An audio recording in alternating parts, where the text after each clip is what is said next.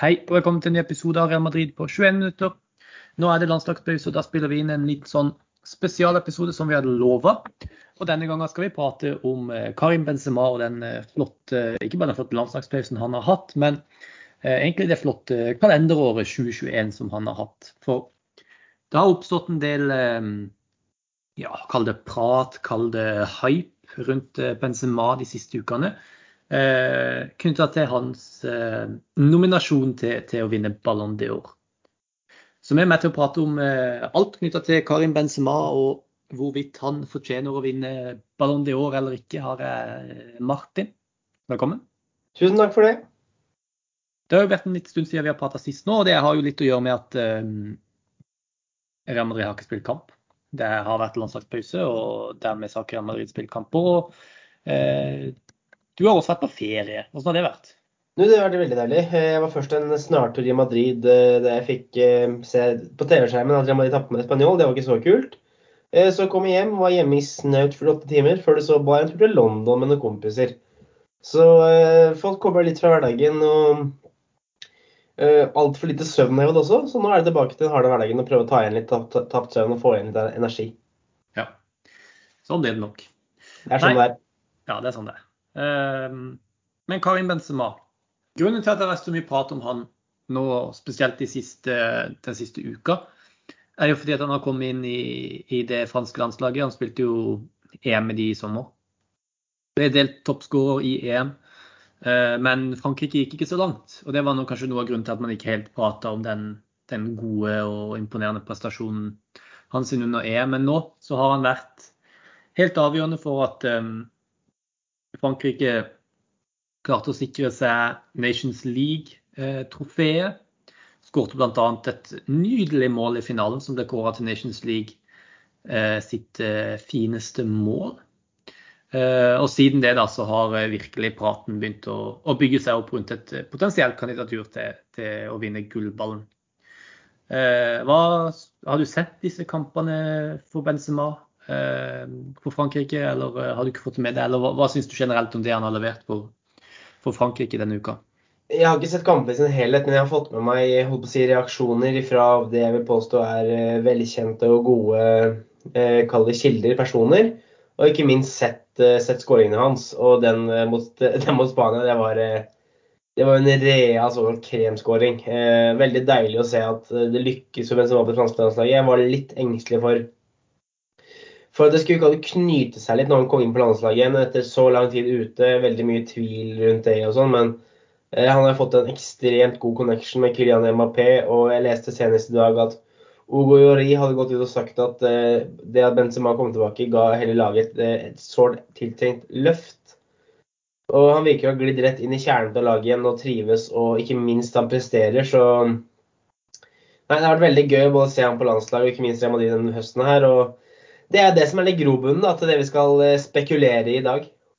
Ja, nei, Det er jo nettopp det som er grunnen til at vi har denne eh, samtalen nå. Det er jo Karim Benzema sine flotte prestasjoner i, i år. og uh, Det er jo en spiller som vi normalt sett ikke egentlig har prata så mye om i sånne kåringer som dette. fordi at det er gjerne en liten gruppe spillere som har blitt nominert til disse prisene, og som har kommet høyt opp på kåringene. og uh, når du har liksom en sånn topp tre, og Cristiano Ronaldo og Lionel Messi utgjør to av tre eh, i, alle, alle, altså i, alle, år, så er det veldig vanskelig å bryte inn i den, den topp tre, den trioen der. Da. Det er jo eh, bare Luka Modric eh, som har vunnet Ballon d'Or siden Messi vant sin eh, første.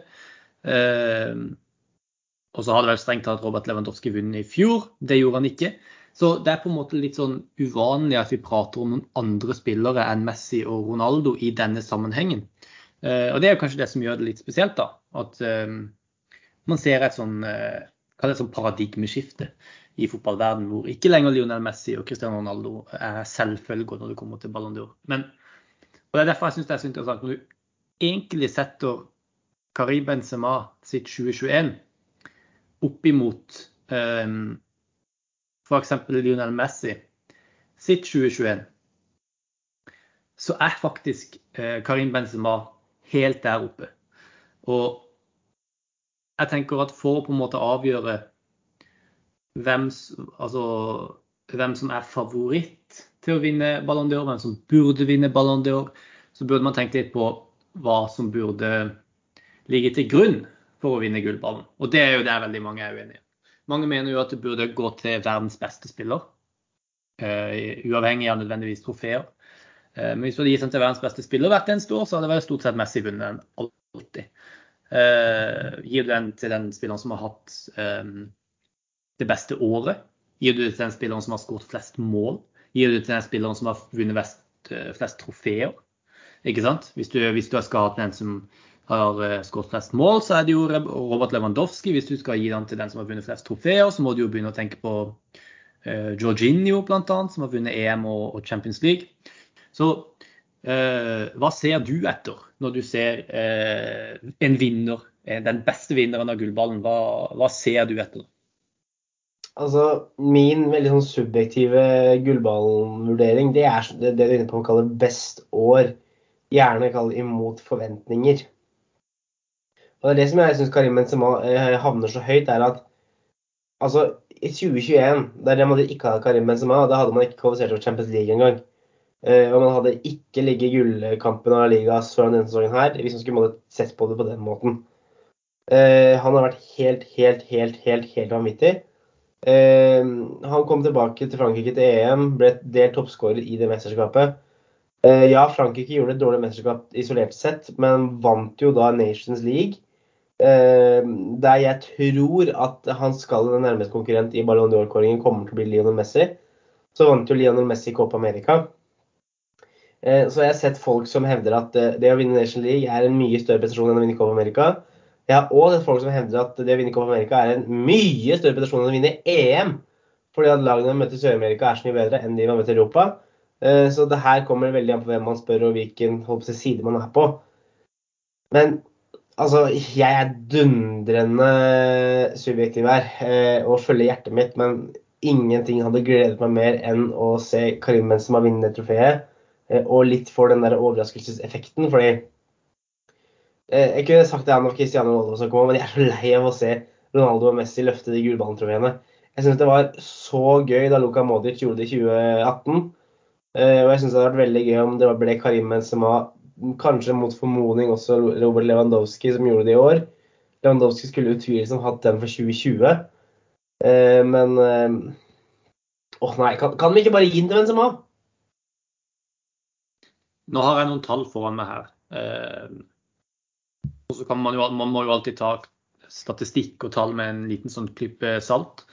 Eh, fordi at eh, man kan jo f.eks. velge ut eh, stats som passer eh, det du prøver å formidle. Så man må alltid ta det med en klype salt. Men ifølge disse tallene her, så har altså eh, Karim Benzema i 2021 eh, 30 såkalte non-penalty goals, altså mål som ikke er skåret på straffe, eh, og 14 assist. Lionel Messi har 28 eh, non-penalty goals, altså to færre enn en, Benzema, og 14 assist. og han har spilt fire kamper med. Ehm, men det jeg syns eh, på en måte veier mest i favør av Karim Benzema. For det er jo han vi vil at skal vinne, og han er jo underdogen i, dette, i denne her sammenhengen. her. Det er jo Lionel Messi som skal vinne en sånn pris. Spesielt når han endelig har klart å vinne Copa America, som han ikke har klart tidligere.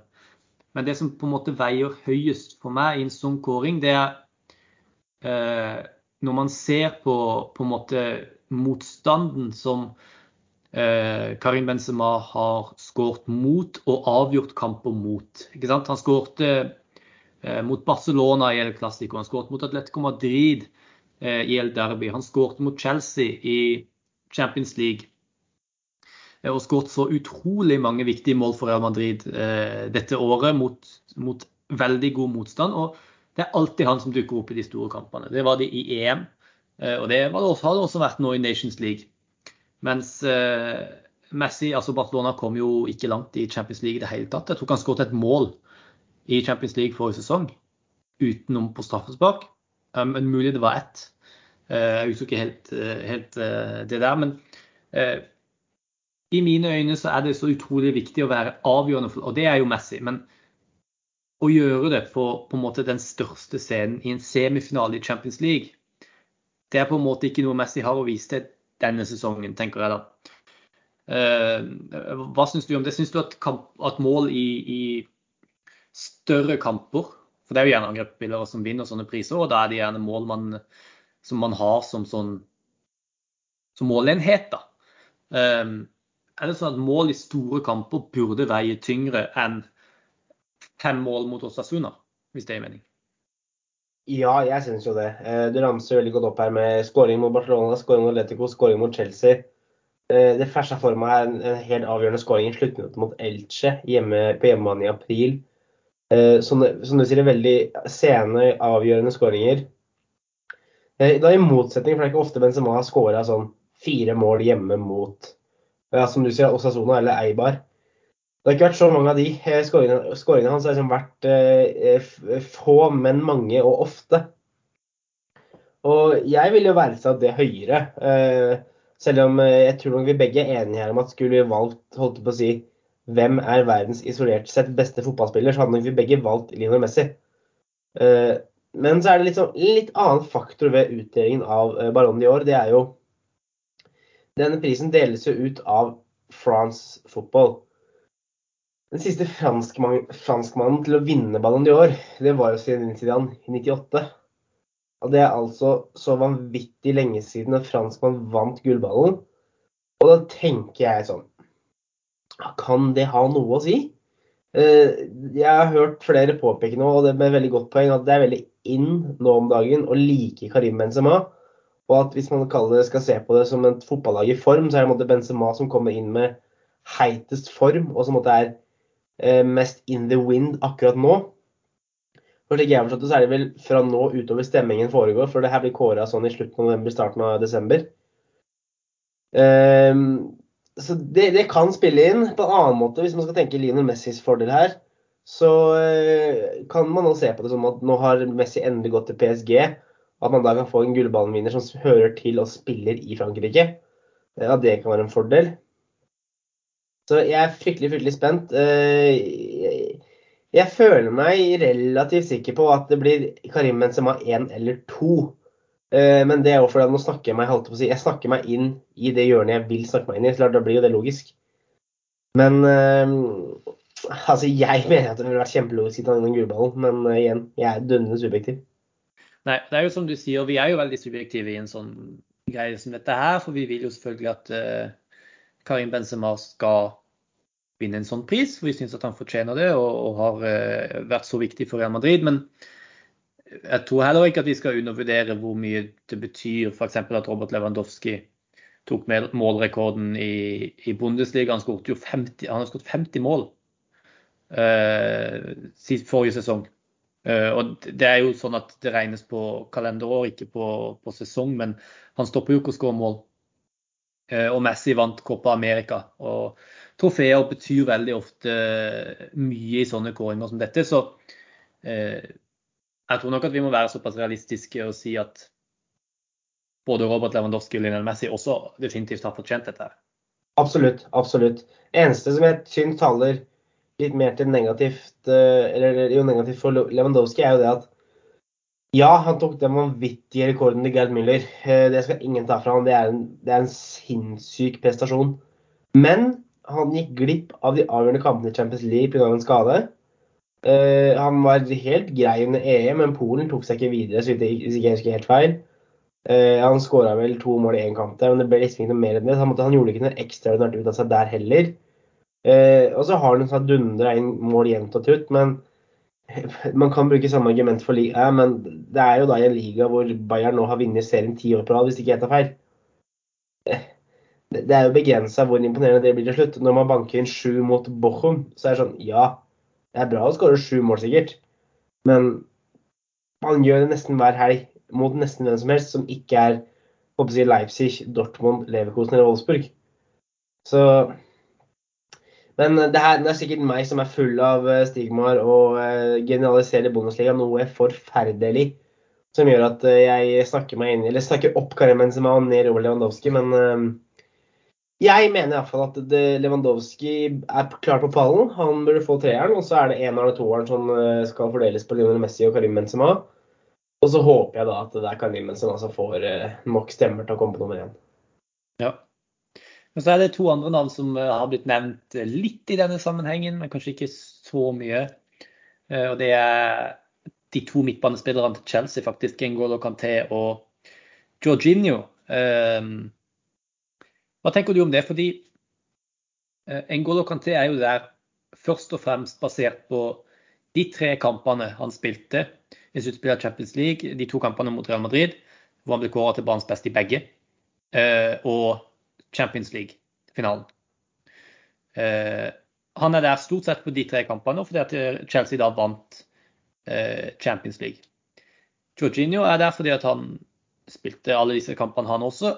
Vant Champions League med Chelsea og vant EM med Italia. Hva syns du om dette med at trofeer veier så tyngt i en kåring som dette her? For Det er jo veldig mange som mener det at eh, Ballon d'Or, gullballen, burde gis, eh, gis, ut til den spilleren som har vært best, ikke den som, spilleren som har spilt på det beste laget. Eh, og da, altså en spiller som spiller for Si at, eh, at, eh, at Haaland hadde vært eh, verdens beste spiller dette året. Men han hadde jo ikke klart å vinne Champions League fordi han spiller for et Dortmund-lag som ikke er godt nok til å vinne Champions League. Mest sannsynlig hadde han ikke klart å vinne Bundesliga heller, fordi at Bayern München er så utrolig gode. Da vil Haaland ha en liten sjanse til å vinne gullballen. Hva syns du om hele det konseptet med at trofeer har så mye å si i en kåring som dette, noe som gjør at Jorginho garantert kommer til å havne høyt opp på denne lista eh, i år? Altså, Jeg syns på en måte det er logisk, men da må jeg stille spørsmålet.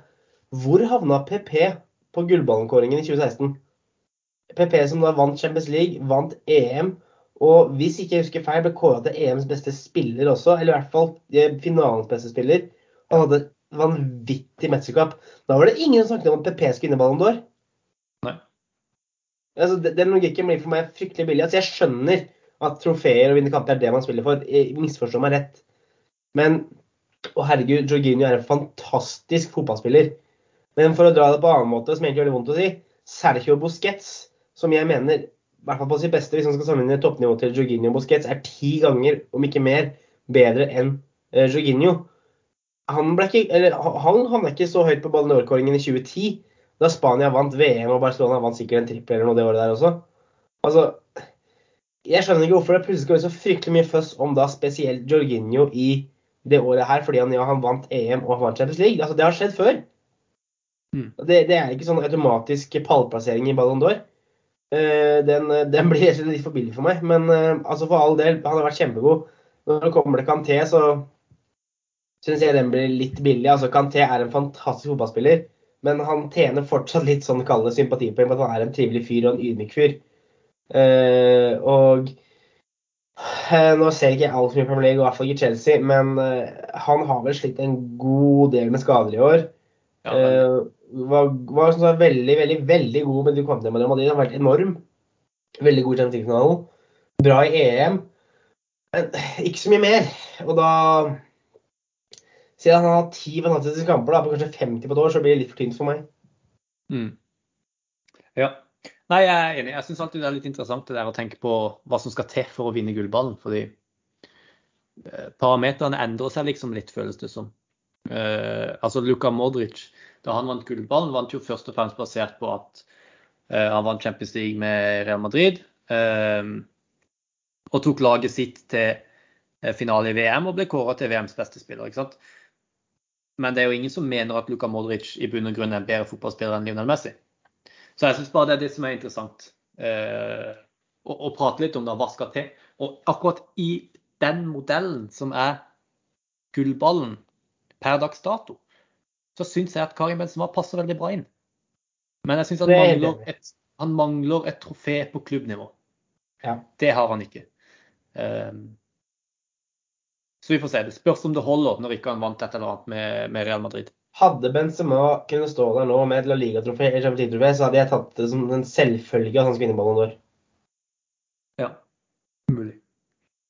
Nei, det blir i hvert fall skikkelig spennende å se. Jeg syns det var veldig interessant at vi kunne ta en en prat om det, siden det har vært så mye hype om dette her i, i eh, sosiale medier den siste tida. Og Real Madrid har jo til og med vært ute og tweeta litt om Karim Benzema som verdens beste spiller. og sånn der. Så jeg tenkte det var litt gøy å ha en, en ordentlig prat om det nå, da, og se hvor realistisk det er. Så konklusjonen er vel at vi håper uh, at det kan gå, og vi unner han det og syns han fortjener det. Um, men uh, det er andre spillere der som på en måte er selvsagte, iallfall i en topp tre. Og da uh, han, har, han har tøff motstand, da, for å si det sånn. Det var egentlig det vi hadde tid til i dag. Så takk for at du gadd å stille opp midt i landslagspausen, Martin. Det var veldig hyggelig. Det var det så lite.